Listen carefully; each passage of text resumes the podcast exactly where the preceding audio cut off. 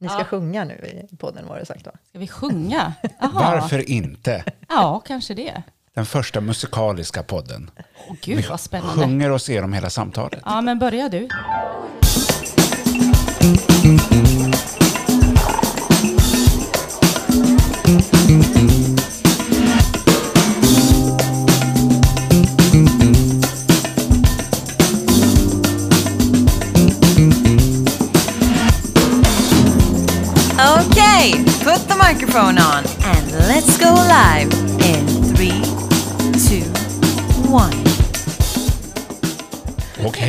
diggar lite då. Ja, du diggar. Ja, tack. Ja. Ja, vad spännande. Ja. Nej, men kör har jag ju sjungit i faktiskt. Har du sjungit i kör någonting? Ja, det har jag gjort. Ja. Jag gick eh, musikklass Mm. under eh, min grundskoletid. Så att, eh, då sjöng jag kör mycket. Mm. Men eh, lyckades aldrig lära mig noter, så jag, jag har liksom sjungit, gehörssjungit i kör kan man säga. Det funkar jättebra det funkar jag. jättebra. Det Ja. gör det faktiskt. Men är inte det där att ha gehör, är inte det en sån här typ av begåvning? Man brukar ju prata om det här absoluta gehöret. Ja. Och det är ju Det någonting Mm. väldigt speciellt. Ja. När hon var, mm, när hon var student vid Kungliga Musikhögskolan, då var hon med i något så här forskningsprojekt kring de som har absolut gehör. Och då var en del av det att hon kunde bli uppringd klockan två på natten och så sa de ta ett F. Nej. Och så skulle de liksom, sömndrucken ta det där och då. Nej. Jo, Och hon fixade det. Och det fick Gud hon. vad häftigt. ja, Det är helt... Och det är ju något man bara har från början tänker jag. För att ja smälla, liksom. det är det. Mm. Alltså när, hon var, när hon gick i lågstadiet och de skulle sjunga på så här skolavslutning. Min mamma kommer från en musikfamilj, kantorns familj. Så, och då, um, hon hade ju absolut gehör då, men det var ju inte definierat på något sätt. Och så hade de övat in en skolsång och så skulle de eh, framföra den. Och skolans orgel då, den hade sjunkit en halv ton eller något sånt där. Och hela skolklassen följer ju naturligtvis med och lägger sig där orgeln ligger. Men min mamma då innan hon hade lärt sig parera och förhålla sig till att hon har absolut gehör, hon låg ju kvar där man skulle ligga så att säga. Ja. Och då fanns det ju de som tänkte, åh stackars kantorns dotter, helt omusikaliskt, som står och sjunger liksom helt. Ja, ja, och så var det helt tvärtom. det var helt rätt. Ja, Ja. precis. Men får man inte så här också att det nästan kliar lite grann i att det, det är något som inte stämmer här? Jo, jag vet att hon, hon var ju hon var ju också anställd professionell korist i radiokören. Och då var hon, det var en Erik Eriksson, den här körlegenden, eh, ledde den kören då. Och de var på någon så här Europaturné. Och han hade inte någon stämgaffel och liksom tog ton, utan han hade min mamma. Som liksom, varsågod, nu får du ta ton här. Och så var det någon gång som eh, han pekade på henne och hon tog en ton och han... Ah, mm, en gång till. Så, så tog hon ton och så... Ah, och så gick han och så tog han ackordet på pianot och så sa han någonting så han skulle väl skoja med henne och säga ah, första gången där hade du faktiskt fel eller något sånt där. Och historien säger, nu ska jag säga, min mamma är, måste vara världens mest timida och snälla person. Hon är, gör inga stora åthävor. Men då blev hon arg och lämnade eh, konsertlokalen. Ja. Och sen knackade det på hotellrummet lite senare med, stod han med blommor och sa att ja förlåt men det var faktiskt flygen som var ostämd. Så då hade hon rätt. Nej, alltså. Så det kliar nog ibland Ja. när någon liksom tycker det. Ja, ja. mm. Men, då Men har du ärvt det då? Absolut gehör.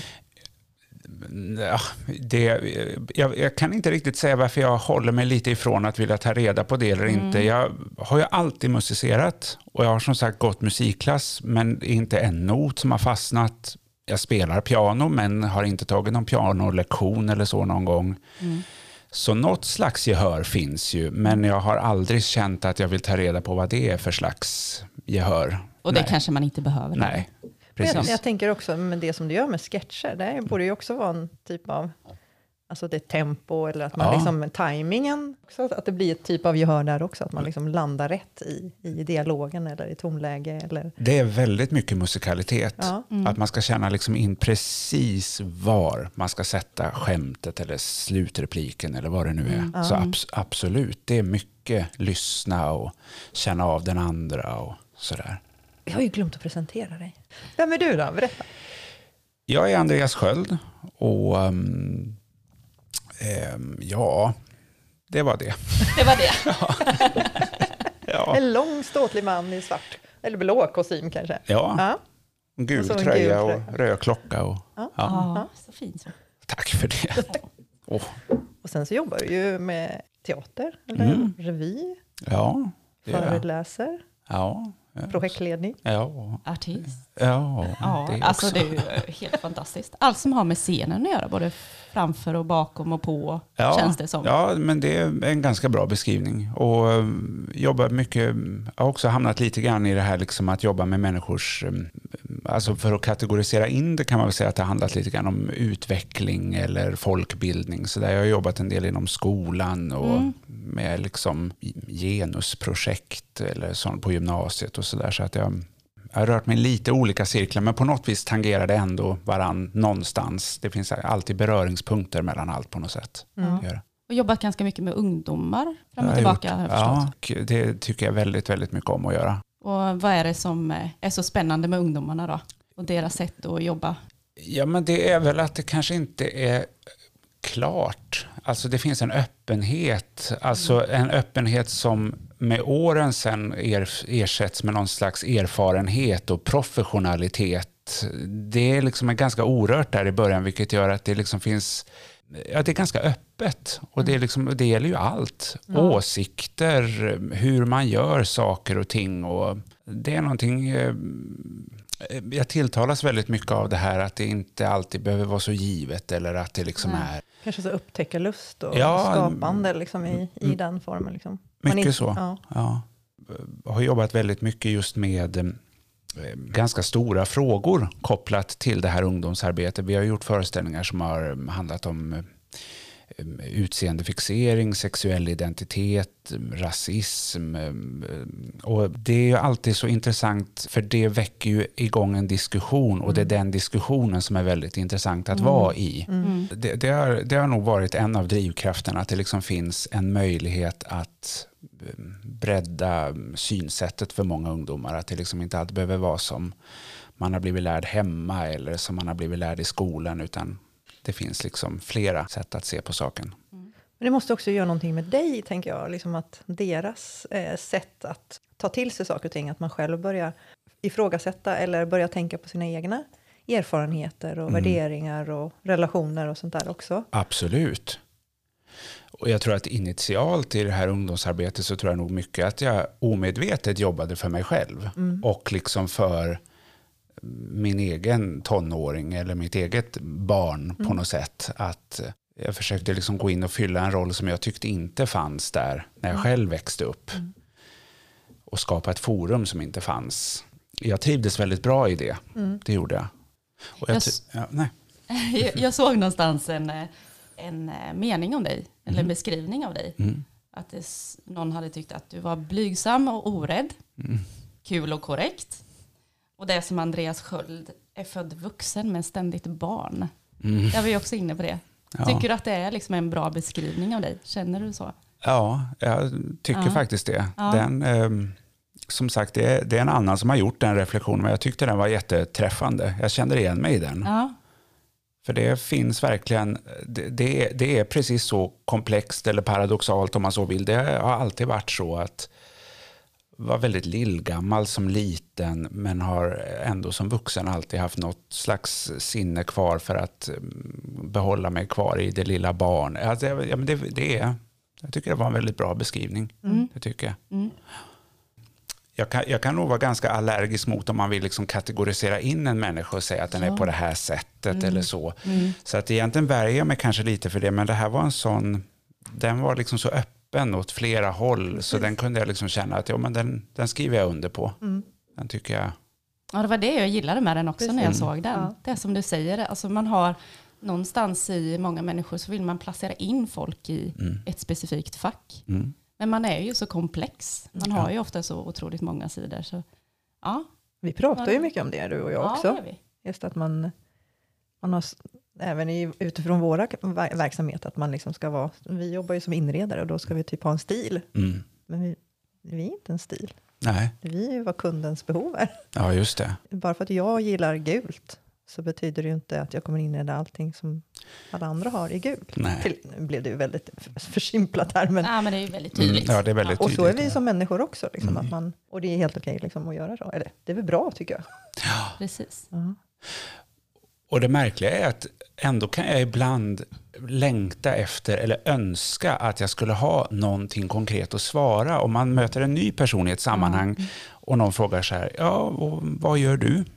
Det är, det är typ en av mina värsta frågor, för att det är liksom, då börjar Det kan vi skriva under på. Ja, för då börjar, börjar jag fumla efter någonting. Jag, jag, jag, någonstans så har jag alltid känt att det hade varit så skönt att bara svara, jag är busschaufför. Ja. Eller jag är någonting som alla vet vad det Precis. är. Så. Ja. Den här hisspitchen liksom. Ja, precis. Åh gud, vi kämpar fortfarande med den efter två år. Ja, Hur länge kan man stå i en hiss? de kan ju stanna också. Man kan ju, Ja, det är sant. Vänta, jag är inte klar ännu. Jo, och så var det så här. ja.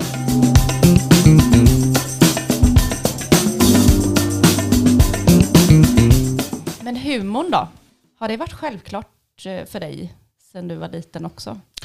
Ja, det har varit humor. det. Ja. Ja, det har liksom aldrig funnits något så riktigt startdatum för det, utan det har alltid varit så självklart så länge jag kan minnas. Mm. Jag har tittat på mycket humor och dragits till den typen av underhållning så, och gjorde föreställningar hemma. Jag hade väldigt lätt för att lära mig texter. Så att jag gjorde långa föreställningar hemma som barn. När det var liksom så här fest eller bjudning hemma, då var det liksom alltid så här att nu börjar föreställningen, så nu skulle alla följa med. Fick man gå med ner i källaren, där hade jag en liten teater som jag spelade mina föreställningar. Och det var ju liksom, det var Robert Broberg och det var Galenskaparna och det var Lorry och Casinogänget och det var, Gud vad underbart. Gud, en sån fest skulle jag vilja komma på. ja, Eller hur? jag har mm, nästan så här be om ursäkt för jag måste ha varit jättejobbig som barn, tänker jag, som ville ha så mycket. Men eh, de säger att det gick bra. Det gick bra. ja. Ja. Jag har sin egen scen i källaren. Liksom. Ja. Bara, det är bara så uppriggat och klart. Liksom. Ja, Väldigt tydligt igen vart ditt liv skulle rikta sig åt. Något sätt. Alltså, när, när man börjar liksom titta på det i ett, liksom, ett större perspektiv, då är det ganska intressant egentligen, för att egentligen gör jag det som jag alltid har gjort. Det är bara det, skillnaden är att idag är det ett jobb och jag får betalt för det, men när jag var barn och liten, då höll jag på, jag, jag höll på att skriva föreställningar, jag spelade föreställningar, jag hade massa olika små projekt för mig. Vi, lekte, vi kunde leka skola hemma, det var liksom alla de där sakerna fanns. Och sen plötsligt var det någon som, ja men om du kommer att göra den där saken här så kan du få lite betalt. Och så, jaha, sen var det där borta någon annan som sa, och så plötsligt så var det där ett helt liv. Ja. Just det. Men det blev liksom aldrig det där avgörandet att nu ska jag sätta mig och studera till det här, nu ska jag göra det här och liksom göra ett aktivt val, utan det har bara fortsatt på något konstigt sätt. Ja. Mm. Det är Som liksom, ynnest också. För ja, Är det någon som har spelat in det här då? När du gjorde de här grejerna? Ja, alltså jag, jag har ju en bror som är, eller jag har, jag har flera syskon, men jag har en bror som är ganska nära mig i ålder. Och eh, vi är väldigt, väldigt olika varandra. Han är mera så här data, ekonomi, företagare. Han är mycket mera... Och eh, vi var olika redan då, men hittade ett sätt att mötas i våra olikheter. För att han, när vi, när vi växte upp så hade vi en videokamera. Mm. Och den tyckte han om att sköta. Han var intresserad av att stå bakom kameran.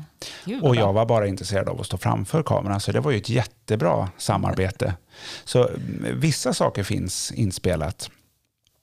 Och det måste jag få berätta, för det, apropå honom så är det kul, för när vi blev 11, 12 eller så, då hade vi flyttat från Dingtuna i Västerås in till centrala Västerås och då hade vi en stor vind Mm. där vi inredde en teater. Och det var ju samma sak, teatern var ju, liksom, det var ju för att jag skulle få spela och mina, och mina kompisar.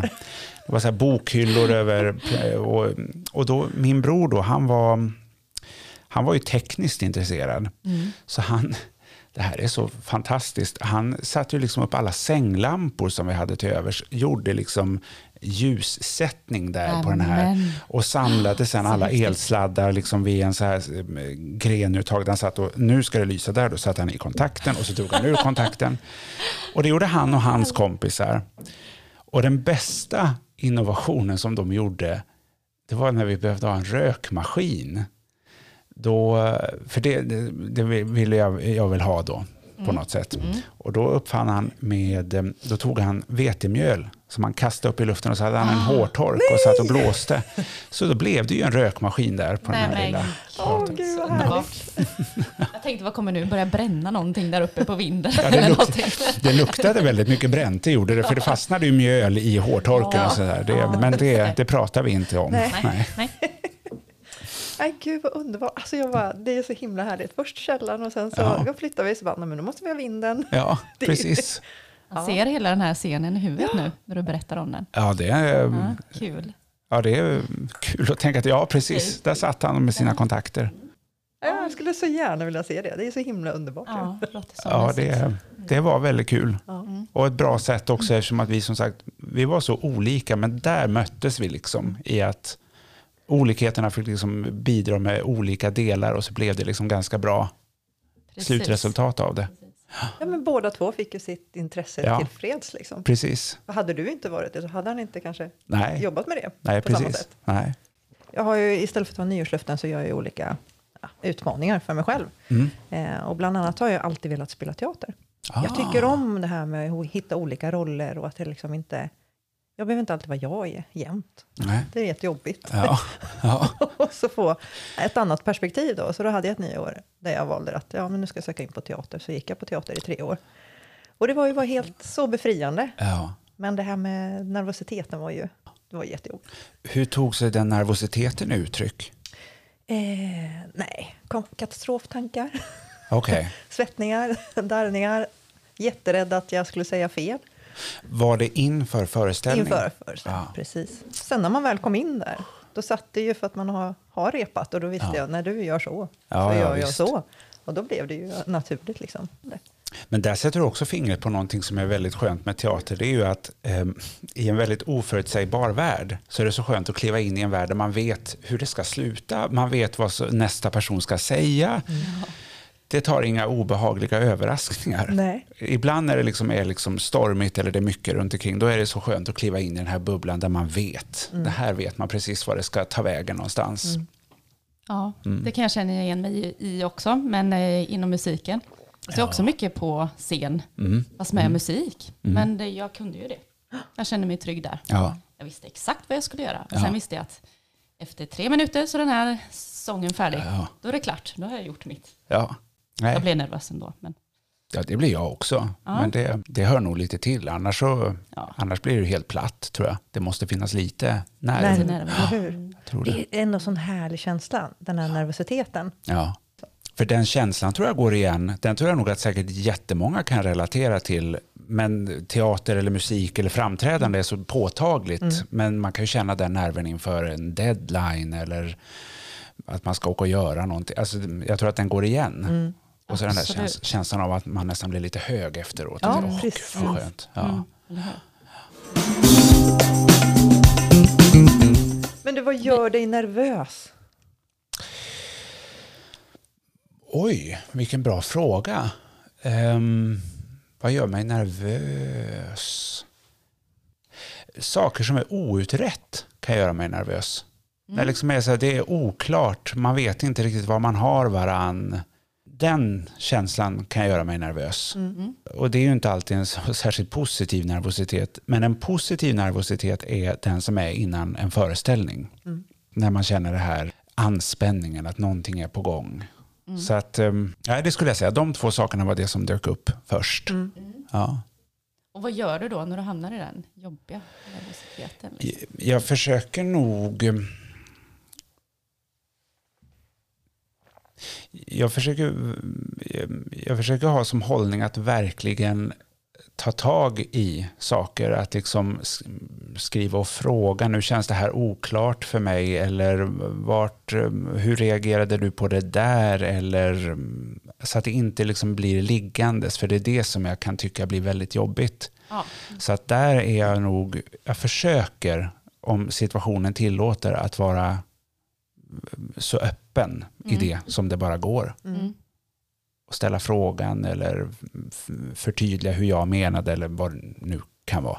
Hur är du när du jobbar med olika projekt? Är du en sån som gillar att ha en massa olika saker på gång samtidigt också? Men gillar du att gå emellan olika projekt så att du kan känna, nej nu känner jag för att göra lite där och så vill jag gå till det. Eller är det mer att du kör på samma spår, nu vill jag ha denna klar. Nej. fokus på den. Det är nog snarare tvärtom. Mm. Alltså, alltså, jag är nog väldigt mycket så att jag vill ha olika projekt att alternera mellan. Ja. Och gärna i olika faser också. Att det liksom Ja. inte alla ligger och är i slutfas samtidigt. Nej. För att jag mår nog... Nej, alltså jag, jag ska nog säga att jag, jag mår nog inte så väl om det bara blir för monotont en och samma sak. Utan det är liksom, jag, jag mår som bäst när jag alternerar och får energi från olika håll.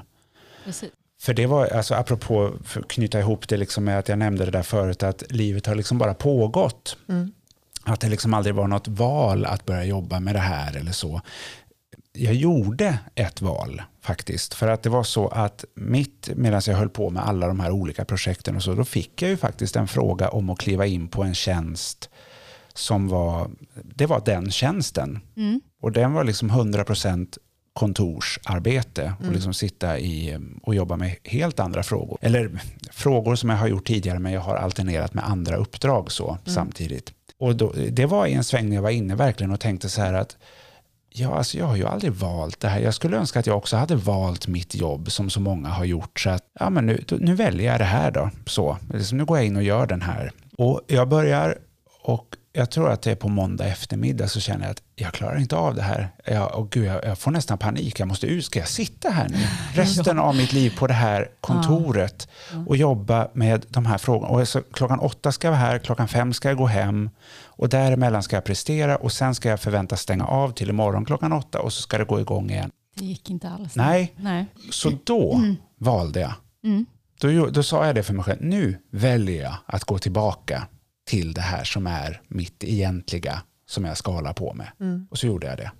Det kanske var en mening med det då? Ja, att det det tror skulle jag. bli så? Definitivt. För nu har du gjort ditt val på riktigt. Jag har gjort mitt val Ja. och jag har dessutom också verkligen fått pejl på att jag trivs med att inte vara på ett ställe. Nej. Mm. Jag tänker att det var också väldigt modigt att ta det beslutet.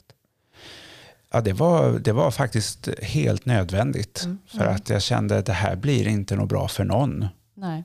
Mm.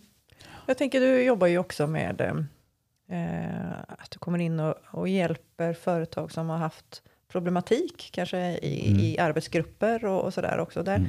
där måste ju också vara en del personer som upplever det som du upplevde. Ja, alltså jag har gjort en del sådana uppdrag eh, där jag liksom kommit in och jobbat med grupper där det har varit ehm, konflikter eller där har funnits problem eller motsättningar av något slag. Inte jättemycket, så jag ska inte uttala mig som någon expert på området. Men jag tror väldigt mycket att eh, Alltså vi, vi är väldigt olika som människor för att vissa tycker ju väldigt mycket om att man vet precis var man ställer cykeln på morgonen när man Ja. ska ta tåget till. Och så Mm. man, man vill ha sin kaffekopp där och man vill ha liksom, vissa fungerar ju så, andra fungerar inte så. Och någonstans är det väl att hitta fördelarna med att det finns olika funktioner i en grupp och liksom hitta styrkan i det istället för att tänka att man ska vara en, eh, att det ska finnas en motsättning i det så att säga. Jag tror på att försöka hitta liksom i sådana lägen att försöka hitta det, något, någonting att hålla fast vid som är en gemensam punkt eller ehm, och, och det kan ju vara allt ifrån eh, att man behöver ha en riktning på hela verksamheten eller att man behöver hitta en stolthet, en gemenskap ihop. Det innebär inte att man ska liksom börja älska varandra och att nu ska vi bli bästa kompisar men att man liksom ska hitta någonting som är vi. Mm. Vad det nu är. Och det finns ju inte Precis. ett svar på det utan det Nej, finns ju Det du lika inte. många svar på Mm. som det finns grupper. Det, är- alltså det är ju en fördel att vara olika typer i en grupp. Mm. Där det kanske är någon som är liksom av mer förvaltande karaktär och någon är spjutspets och någon är... Vi använde oss av en jättebra bild när vi höll på med ett stort utvecklingsarbete inom skolan. Mm. Eh, då hade vi, liksom, vi hade jobbat ganska mycket med att peka ut liksom inriktningen, vart vi är på väg någonstans. Och så kom vi liksom till ett avgörande skede. Då var det liksom så här att vi skulle ju lämna en gammal verksamhet och kliva in i en ny stöpt form av den här verksamheten. Då målade vi upp en stor pil. Som pilen pekar framåt så. Då fick varje medarbetare någon gång då under den här veckan sätta ett kryss var man tycker någonstans i den här pilen att man befinner sig. Då kan det vara så att någon tycker liksom så här, jag är längst fram i pilen för jag tycker, åh, jag älskar det här utvecklingsarbetet. Jag vill vara med 24-7 och bidra till att vi ska bara, alltså, då är du längst fram.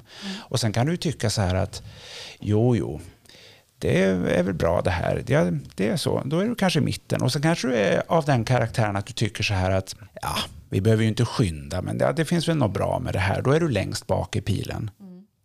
Så länge du är i pilen så är det ju, då är det bra. Ja. Mm. Men om du sätter ditt kryss utanför pilen, Mm. då bör man ju fundera på, är det verkligen här jag ska vara? Mm. För vi har ju på något vis då liksom utarbetat den här idén att det är hitåt vi ska. Sen var i pilen du befinner dig, det spelar ingen roll, bara du är där. Mm. Det är en väldigt så här bra tanke. Det är väldigt visuellt också. Det är väldigt ja, visuellt. det var lite Ja. kul. Den har jag Ja. inte hört om innan. Den var väldigt tydlig faktiskt. Ja, den blir ju väldigt tydlig. Mm. Men när du skriver, du skriver ju mycket manus och så. Mm. Vad, vad hämtar du din inspiration? Är det så att du har liksom en, en idé och bygger på den idén? Eller är det många idéer som du samlar ihop till en? Eller hur funkar det? Det är lite olika. För att eh, det var ju x antal år där som jag skrev väldigt mycket manus för barn och kanske framförallt unga. Mm. Och då var ju liksom, eh, eftersom att vi hade en musikalteaterverksamhet så var ju hela idén att det skulle vara minst en stor produktion nyskriven varje år och gärna fler. Och då kunde det vara väldigt olika vad det var som, men jag, känner, jag måste alltid ha ett engagemang för det jag ska skriva om. Ämnet. Mm. Ja. Mm.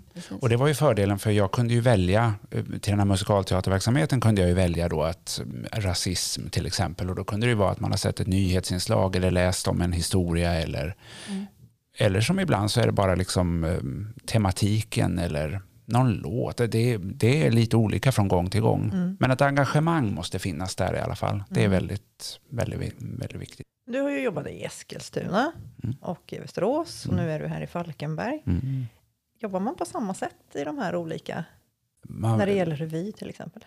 Tolkar man revy på samma sätt? Ja och nej. Egentligen är inte hantverket så annorlunda. Men skillnaden är ju att om du jobbar med en, en dramaturgisk uppbyggnad under en lång föreställning och du har liksom kanske tio karaktärer som du följer under en föreställning och så där, då, då, då måste du hitta en större botten i det på något sätt. Revy är ju lite mer så att du skissar liksom fram det här för att kunna liksom göra så pass mycket under en och samma föreställning. För du ska ju i, i ena numret kanske du ska stå och spela Donald Trump och så i nästa Ja. så ska du spela något helt annat och då är det liksom så här då, då är det som att du har liksom en skissteckning som du bara kliver i, snabbt kliver ur, snabbt kliver i nästa och så medans eh, man kanske jobbar lite mer djupgående med om du har liksom en hel historia att förhålla dig till. Men eh, annars är hantverket väldigt likartat. Det är den där musikaliteten, att hitta svänget i det, att liksom få ut eh, det maximala i det vi ska berätta, oavsett om det då är två timmar eller tre minuter. Mm. Så ska det vara så kärnfullt som möjligt. Mm. Ja, för det tänker jag verkligen måste ju vara, du har ju inte så mycket till dig att egentligen berätta din historia. Nej, Det är ju nej så är det. väldigt intensivt. Så. Och på så vis är ju revy väldigt eh, kul. För att det finns ju verkligen en utmaning i att det är inte så mycket tid att landa på utan det ska ju liksom flyga fram. Mm. är känslan. Precis. Och det, därför så brukar jag tycka att revy är en, en av de mest tacksamma underhållningsformerna. Därför att om du sitter och tycker liksom så här, men det här numret var inte bra, då kan man alltid hoppas att nästa blir bättre. Har du satt dig på en föreställning som är två timmar och så känner du så här, det här var inte min grej. Då är det inte säkert att du liksom ändrar den uppfattningen. Men om du liksom, i revy är det liksom så här, att det där numret var, men det var bra och det var liksom, det brukar finnas något för alla. Mm. Precis. Ja. Jobbar du mycket med så här igenkänningshumor och så? Ja, jag Det tycker något- det är roligt. Ja. Jag tycker i och för sig att det är många olika sorters humor som är kul, men jag tycker att det är roligt när det finns ett lite, antingen lite svärta eller någon form av verklighetsförankring i det eller någon spegling av något. Då tycker jag att det är väldigt eh, när man, när man känner att det, ja, men det är väl den där botten då kanske. Att det liksom ändå Ja. finns någonting litet med. Så jag, kan ju tycka, jag tycker det är jättekul med tramshumor också. Och ordvrickeri och sånt där. Jag, men eh, skulle jag välja en form, som är bara, då är det liksom den där som har någonting mer, en dimension till i sig. Det var någon som sa, som jag tycker är så bra, att det ska finnas ett aha i haha. Just Att det liksom finns någonting att liksom upptäcka i det. Mm.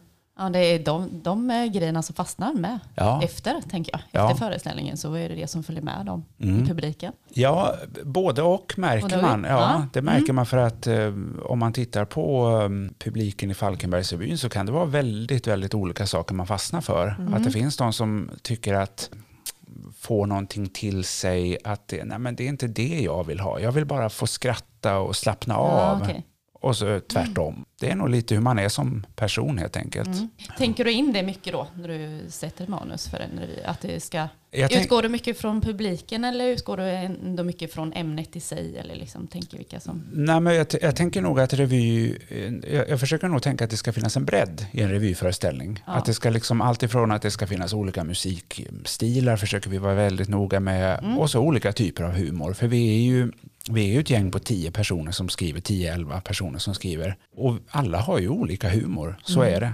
Och det är ganska häftigt för det blir ju också representerat på så vis. Och varje humorform är viktig i det här bygget på något sätt. Jag försöker nog tänka mångfald i humor. Att det, det kan liksom inte bara gå till att vara en form av humor.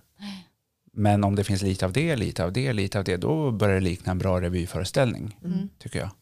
Falkenbergsrevyns sätt att arbeta på, det var nytt för mig när jag kom hit. Jag har inte varit med om det tidigare. För man skriver ju verkligen kollektivt. Och att det är på riktigt kollektivt. Det är inte så här att alla sitter runt ett bord och skriver samtidigt. Men däremot är det så att vi har ju den här, vi har en skrivvecka när vi åker bort och jobbar intensivt eh, sju dagar. Och då är det, det, är, det är riktiga monsterdagar. Vi sitter ju 10-12 timmar och skriver. Och då börjar varje eh, dag med att eh, vår producent och Magnus, han har, då har han plockat ut tre, fyra ämnen som alla sitter och spånar kring i grupp. Då. Man tar liksom ett ämne i taget och så kommer det någon rolig kommentar här och någon får någon idé på någon låt och så någon har tänkt så här. Och, så det börjar man med. Och sen trattar han ner det till olika arbetsgrupper. Så att ni tre ni kan fortsätta jobba på den tanken, ni tre kan fortsätta med den och så, kan, ja, och så delar man upp sig och så sitter man och skriver. Och sen kan det vara så då liksom att ja, men vi i vår grupp vi tog oss igenom med det här numret från början till slut. Men ja, det, det är ju inte klart bara för att man har tagit sig från början till slut, utan det behöver ju jobbas vidare med. Och då kan det vara en ny konstellation som tar det dagen efter. Så det, är liksom, det, det snurrar runt i en massa olika led, vilket gör att det oftast får fler dimensioner. Då är det någon som kommer och tittar på den här texten som vi gjorde och säger ja men vänta nu, det här det skulle man ju kunna göra så här och så. Det är ett sätt som, det tog en liten stund, för jag har skrivit väldigt mycket själv innan. Men nu är det nästan som att jag tycker att det är svårare att skriva själv igen, för att det är så skönt att ha det här bollandet. Ja. Och liksom få titta på, ibland är det så skönt att vara den som också bara får en text i handen och säger fortsätt jobba på den här. Det är ett jättehärligt och bra sätt att jobba på. Jag känner vi sitter och nickar här bara Ja, nu. ja jag ser det. Ja, men det är ju precis så vi känner att vi jobbar Ja. ihop, jag och Linda faktiskt. Vi kan gå in i, nej nu känner jag för att den här grejen känner jag för nu, den kan jag ta tag i, börja bita i den. Ja. Sen kommer man alltid till det där lite jobbiga läget, det gör man ju i alla processer, arbetsprocesser. Nej, nu fastnar jag här. Ja, då bara lämnar jag över det till Linda. Eller tvärtom. Och så får hon ta tag i den och se det på, från sin synvinkel. Liksom. Och det, alltså, det funkar så bra. Det är så skönt. Ja, och det kan, vara, det kan vara en minsta lilla grej, liksom. men den här meningen låter inte bra. Eller det kan vara ett, något större. Liksom. Mm. Ja.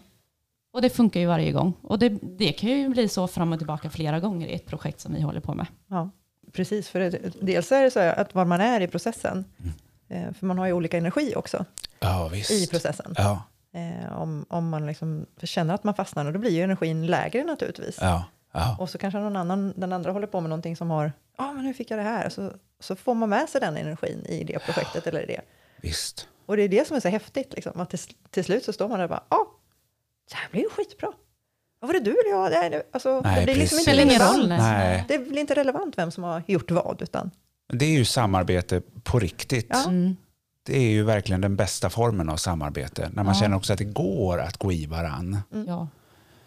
det finns ingen prestige och det finns liksom ingen, alltså det är en väldig trygghet. Ja. Man kan också säga att nej, men det här tyckte jag, det här blev lite knasigt, liksom. jag håller inte riktigt med där. Nej. Och så blir det ingen, det är egentligen en issue i det hela, utan nej, okej, men hur tänker du då? Och så pratar man utifrån det. Liksom. Precis. Det är, få förunnat tycker jag. Ja, Ja, det är har det. det så bra. Ja. Ja, det är så bra. Nej, men jag, jag, jag, jag relaterar jättemycket till, det, till, den, till den formen. Alltså det är fantastiskt när man hittar någon eller ett sammanhang eh, som ja, Falkenbergsrevyn också, alltså där, man, där man verkligen har det här riktiga utbytet av varann. Och det där att nu har jag kört fast, då tar jag vid. Precis. Ja, det är häftigt. Men även så som det kan vara där då, som du låter bli lite tilldelad ett uppdrag också. Det kan också Absolut. liksom främja liksom kreativiteten Ja. istället för att man väljer det själv. Ja, visst. Det blir inte det där självklara, men den hade jag velat välja, men Nej. det var mitt ämne, utan att man Precis. utmanas lite i det. Ja. Och, och där är ju också, jag menar, jag, jag tycker det, är- det, det, är, det är väldigt kul i den processen som vi har när vi skriver revy så är det ju också att eh, om vi är tre stycken som ska sätta oss och göra ett nummer så mm, är det ju tre olika sätt hur vi vill göra numret på. Just det. Alltså någon tycker att vi ska dra det åt det där hållet, någon tycker att vi ska dra och så ska man försöka hitta den där gyllene medelvägen. Och det blir oftast ganska bra, för oftast så kan det komma en fjärde väg Ja, som man inte hade någon aning om. nej, att den Men som, fanns. nej, precis. Nej. Men som bygger på. Visst är det häftigt? Ja, det är det. det är så... Eh, För alla som undrar nu då, blir det någon revy nu?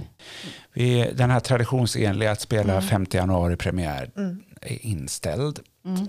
tyvärr. Mm. Men vi kör i sommar istället. Och då blir det en best of föreställning. Då, eh. Falkenbergsrevyn har ju funnits i är det, 24 år. Sen finns det ju liksom x antal år innan också när de hette Kroksereds revy. Det finns en så rik skatt av nummer som vi har pratat om det, att man skulle göra någon som best of någon gång, något sammanhang. Mm. Och nu var det som att det föll sig så. Fast ni skulle ju vara på Vitan om jag Ja, stämmer. sett. Det är ju en så otroligt fin. Och det blir en sån gemytlighet för det finns ju den här ombonade Mm. miljön som sluter om på något. Ja, det, Mm. det kommer att bli, jag tror det kommer att bli jättebra. Ja. Jag tycker också det är skönt med revyerna när man har varit och tittat just att man tar upp ganska eh, jobbiga ämnen Mm. eller liksom konflikter som har varit både här lokalt och i Sverige liksom, eller i världen. Mm. Att det är ett väldigt skönt sätt att förhålla sig till. Egentligen är ju revyn ganska, man- ska inte behöva dra det så långt, men alltså det är ju egentligen en ganska samhällsnyttig eh, underhållningsform eftersom Ja. att vi speglar ju händelser från år. Allt har ju någon slags tangering i något som har hänt, eller en trend, eller att man, hur har människor börjat bete sig, eller Mm. ja, men som du säger, tunga ämnen. Vi har ju funnits nummer om terrorattentatet på Drottninggatan, om Mm. flyktingströmmen. Alltså det har ju varit, och det är ett ganska förlösande sätt att liksom behandla frågorna på. Mm. Så på ett sätt, det är väl kanske det som gör att det känns extra tråkigt för att nu hade det behövts Ja. revy Ja. mer än någonsin. Ja, helt rätt faktiskt. Ja, Mm. det hade nog funnits mycket som man hade kunnat Mm. behövt få skratta åt. Mm.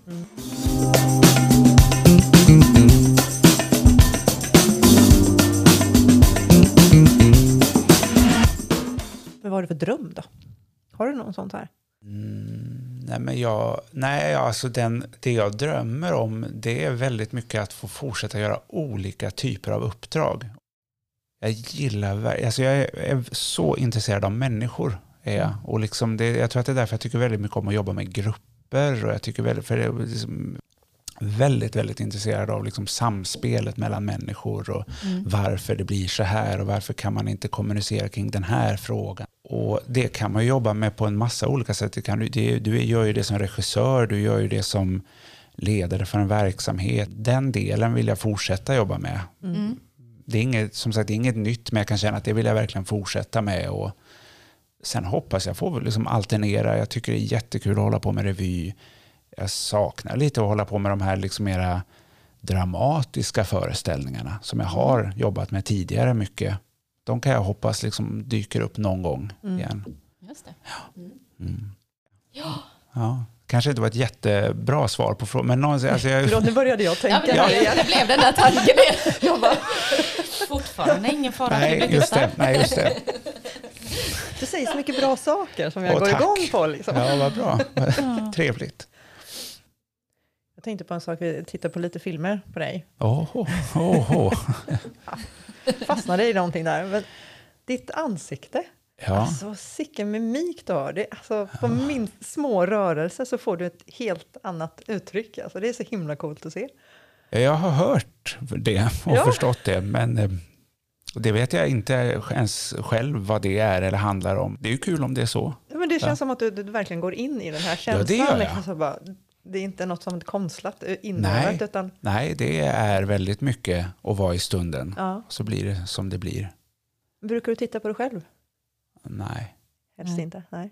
ja, alltså det går. Men, det är inget du eh, sitter nej, och inget- tänker nej, att du ska nej. förfina något liksom, eller Nej, göra något annorlunda. alltså jag kan, jag kan titta på mig själv. Det är vissa som har så här, åh nej gud, jag kan inte se mig själv. Det, det kan jag göra. Och sen kan jag liksom också till och med titta på mig själv och säga så här att jag gjorde det som jag hade tänkt. Eller som Mm. att, ja men det där var, det var, det fungerar väl bra så.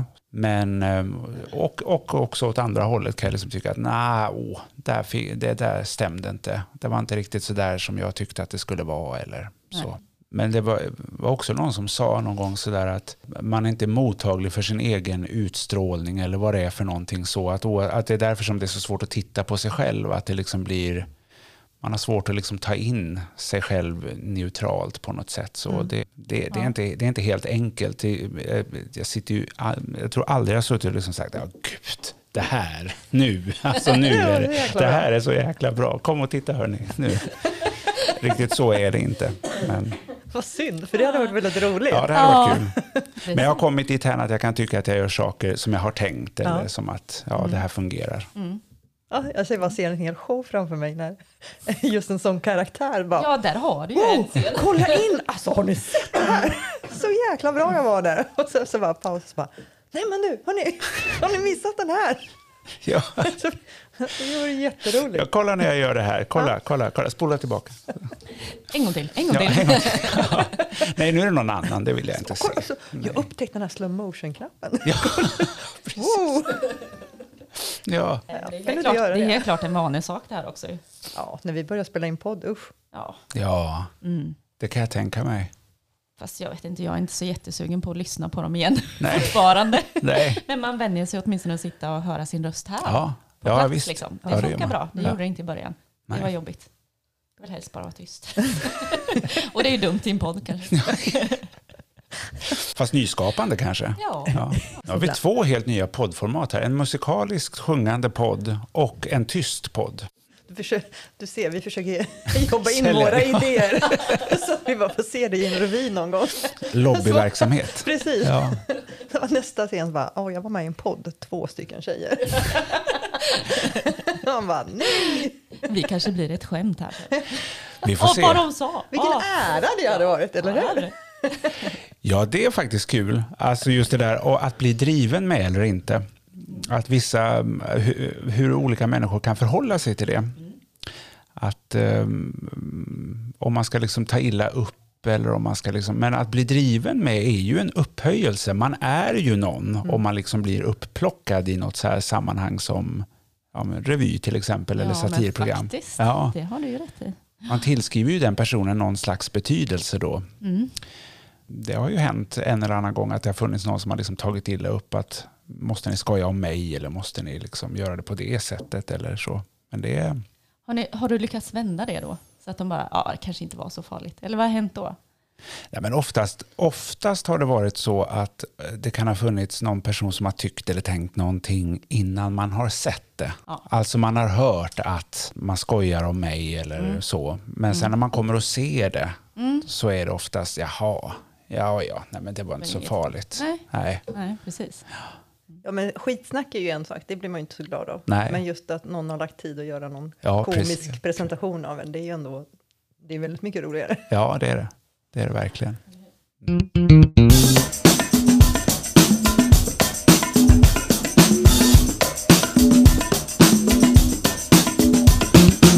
Ja, det har ju varit en jä- jättekonstigt år. Ja, jättemärkligt har det varit. Gasa och bromsa om vartannat.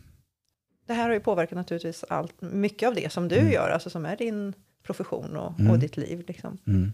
Hur ehm, känner du att det kan på något sätt också ha varit positivt att man behöver använda fantasin och, och lösa ut det på andra sätt? Eller har det var, bara varit... Ja, men det, det har det ju gjort. Ehm, alltså, det öppnar ju för nya vägar tycker jag. Mm. Det har varit en liten process att komma dit. Jag tyckte i början där när vi liksom i mars fick eh, stänga igen och inte spela klart produktionen och det var mycket, då tyckte jag att det var väldigt tufft. Då tyckte jag att det var liksom, men vad händer nu? Och allting ställdes in och allting flyttades fram och det blev men sen var det som att det kom liksom en ny skjuts av, ja men okej, okay, då får vi göra någonting åt det här istället. Då, då får vi liksom se, här, nu vet vi jätteväl vad vi inte får göra, vad får vi göra? Mm. Och där föddes ju den här idén som sen kom att bli Vi sätter färg på Falkenberg som var i somras. Precis. Med de här små mikrokulturevenemangen, pop-up som bara dök upp under tre veckor. Och um, som ju var helt anpassat. Det är ett sånt där projekt som det gjordes ju på grund av att vi har corona. Mm. Det hade nog inte gjort, eller det hade inte gjorts annars och definitivt inte på det sättet. Och sen är det som att det liksom har öppnat dörren för en massa nya. Ja, jag tänkte säga det, det kanske utvecklas till någonting ännu större. Ja, men det gör det ju åtminstone ja. inom mig gör ja. det ju det. Att liksom, ja. just det, man kan man ta den vägen, man skulle kunna göra så här istället. Mm. Eller, mm. Så att i början tyckte jag att det var väldigt tungt, men sen är det som att ja, men det är nog som det ska. Jag hänger på här och ser vad som händer. Precis. Mm. Har du jobbat någonting med äldre? Nej, nej, det har, nej. nej det har jag faktiskt inte gjort. Nej.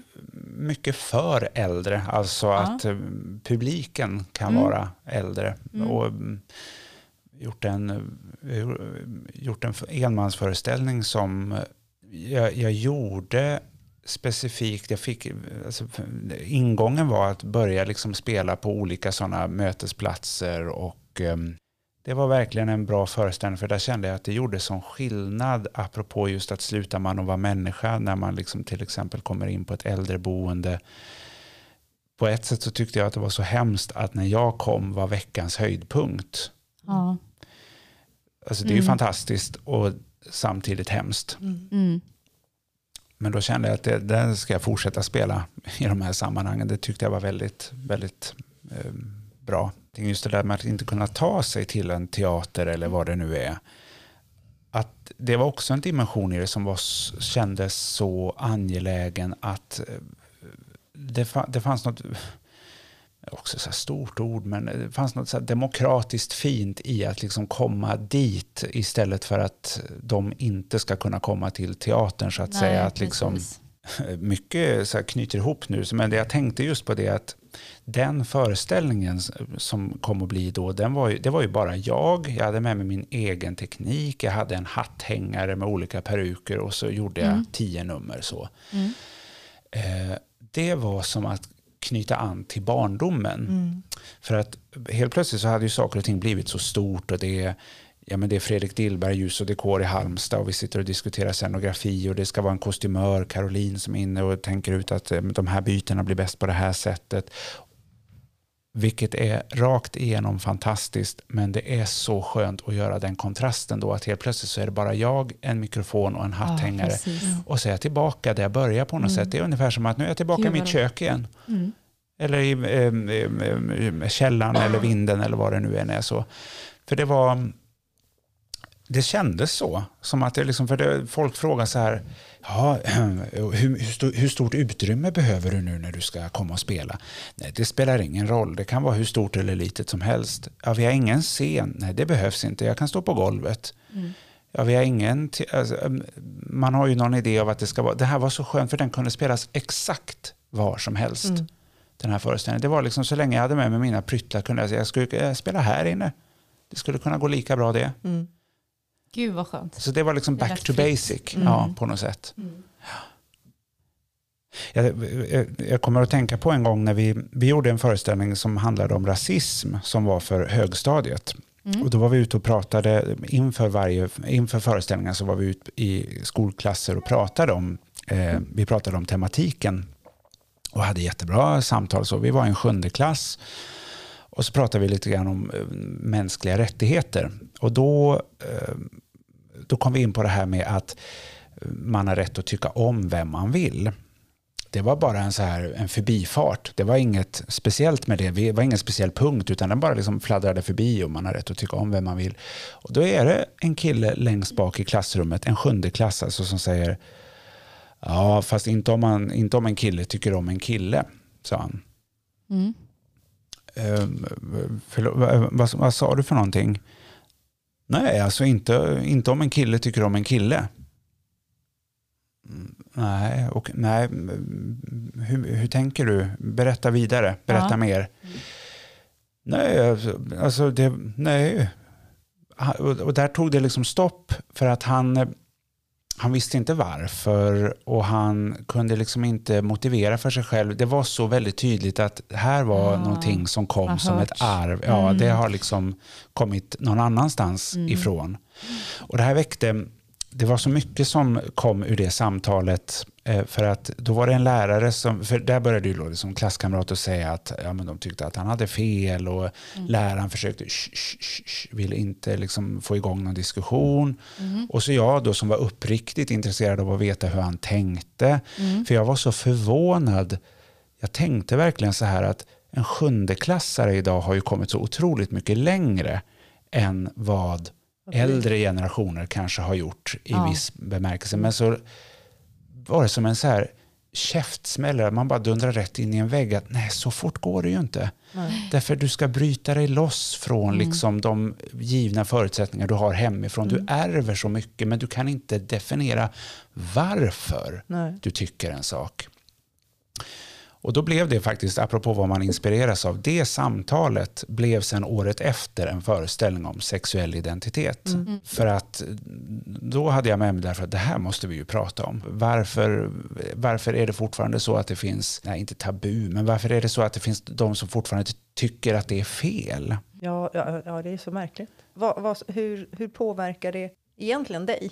Om någon annan Nej men det är ju det, alltså, med, med samma kön tycker om varandra? men det jag har kan- jag inte fattat liksom. Jag kan ju tycka att på sin höjd så ska du, borde du inte tycka någonting alls i så fall. Nej. Det är liksom, Varken så, eller. Ja, varken eller. ja. Det är liksom, i, där och då fanns inte, det fanns ju inget som var provocerande i hans hållning, för det var så tydligt att det inte kom från honom. Mm.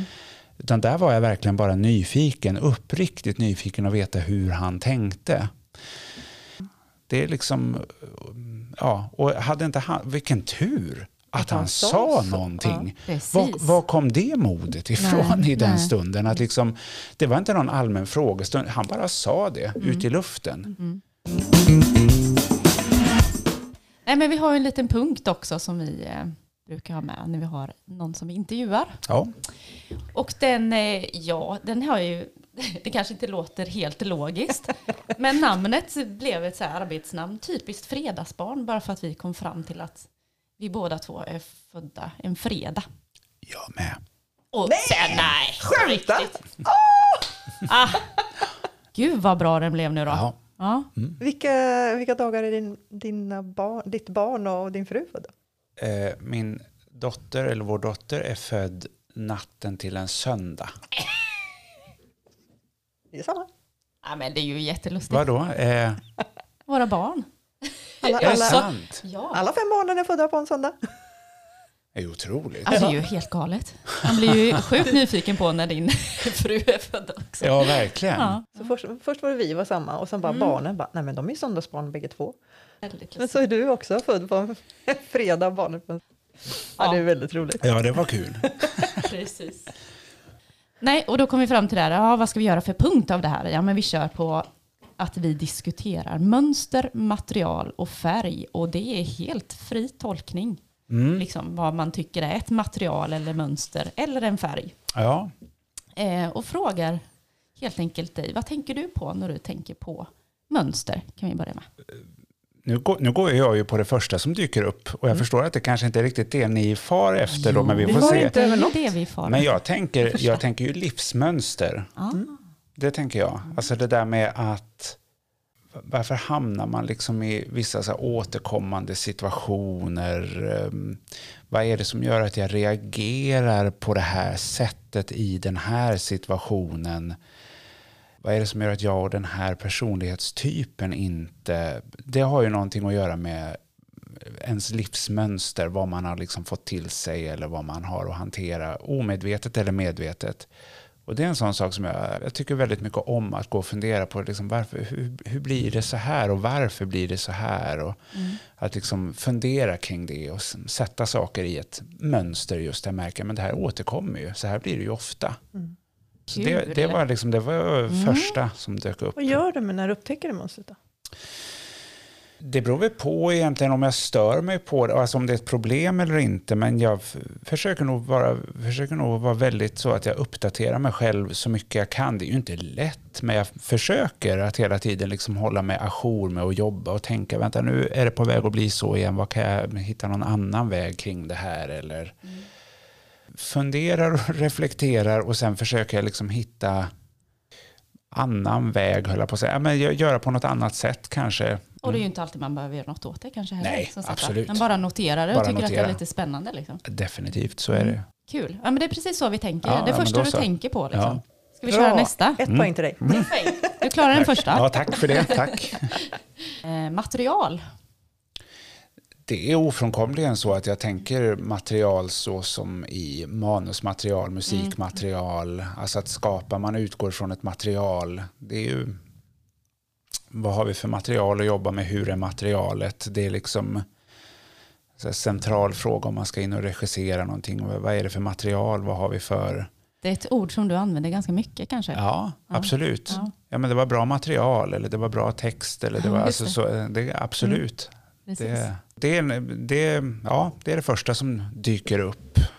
För ett bra material är ju väldigt viktigt. Du kan ha hur bra aktörer som helst eller du kan ha hur bra sångare som helst men är inte låten bra i grunden eller då är det svårt. Mm. Eller föreställningen eller numret. Ja, det är kul. Det är faktiskt lite ett kärnord för dig där. Lite Ja. grunden i Ja, men det det, är du det. gör. Liksom. Man ska vara ganska rädd om den delen av processen när materialet skapas. Att liksom verkligen lägga tid på att få till det bra. Ja. Eh, vi kör den sista Ja, också. det gör vi. Färg. Ja, det är sådana där ord som jag, jag, blir, jag blir glad bara jag tänker färg. För jag tycker väldigt mycket om färg och jag blir väldigt påverkad av färg. så. Det tänkte jag faktiskt på när jag körde hit nu senast. Liksom det här med att vackert hur ljuset eh, ter sig så här på höstmorgon. Det liksom börjar bli ske lite små skiftningar i trädet, små nyanser och det, det kan göra mig väldigt mjuk, väldigt så öm på insidan av liksom färg av Mm. olika. Mm. Jag tycker om att omge mig med färg också. Vi eh, har en knallgul hall hemma. Vi har röda soffor, gula fåtöljer. Ja, men. Ger, färg är liksom, det, det betyder någonting tycker jag. Vad roligt. Vi gjorde ett nummer i eh, revyn i vintras eh, som handlade om den här prideflaggan som inte fick hänga uppe i Sölvesborg. Mm. Där numret avslutades med att eh, kören som då försökte sjunga Somewhere over the rainbow och rainbow var bipat, Bipat. Och, ja, så att man inte hörde det ordet. Men på något sätt så var det som att Ja, det kan man ju tolka som man vill, men min tolkning är att de på något sätt vann i slutet. Och det sista som sker i slutackordet, eller sluttonerna, det är liksom att hela, färgen, eh, hela scenen blir i regnbågens alla färger. Mm. Och sen blir det mörkt. Och jag kommer ihåg när jag satt på en repetition och såg det i salongen, jag bara kände hur jag översköljdes av de här fantastiska färgerna, budskapet. Men det var ju liksom först när liksom sluttonerna kom och alla de färgerna bara... Det var så mäktigt. Det Den var så effekten otro- blev Ja, liksom- mm. precis. Och där var det ju liksom den här explosionen av färg som plötsligt bara kom som gjorde att man kände sig helt uppfylld av någonting. Just det. Men det som projektet ni gjorde i våras då, eller somras menar jag. Ja, Eh, där är ju också ordet färg med. ja just det. Ja, det är det. Ja. Var kom det ifrån då? Liksom själva projektnamnet? Jo, det finns väl två svar på det. Det ena svaret är att jag, jag, jag, jag tyckte liksom att nu är känslan att vi går mot en väldigt svartvit sommar. Alltså Falkenberg är ju, det är så mycket som händer här på sommaren med eh, vallarna och bilträff och alltså allt, det händer så mycket saker. Stålboms har konserter eller har haft konserter. Och, alltså det har alltid varit mycket saker som har hänt. Och så skulle allt vara inställt i princip. Då var känslan men det, det, är ju, det är ju som att du har plockat bort all färg i stan.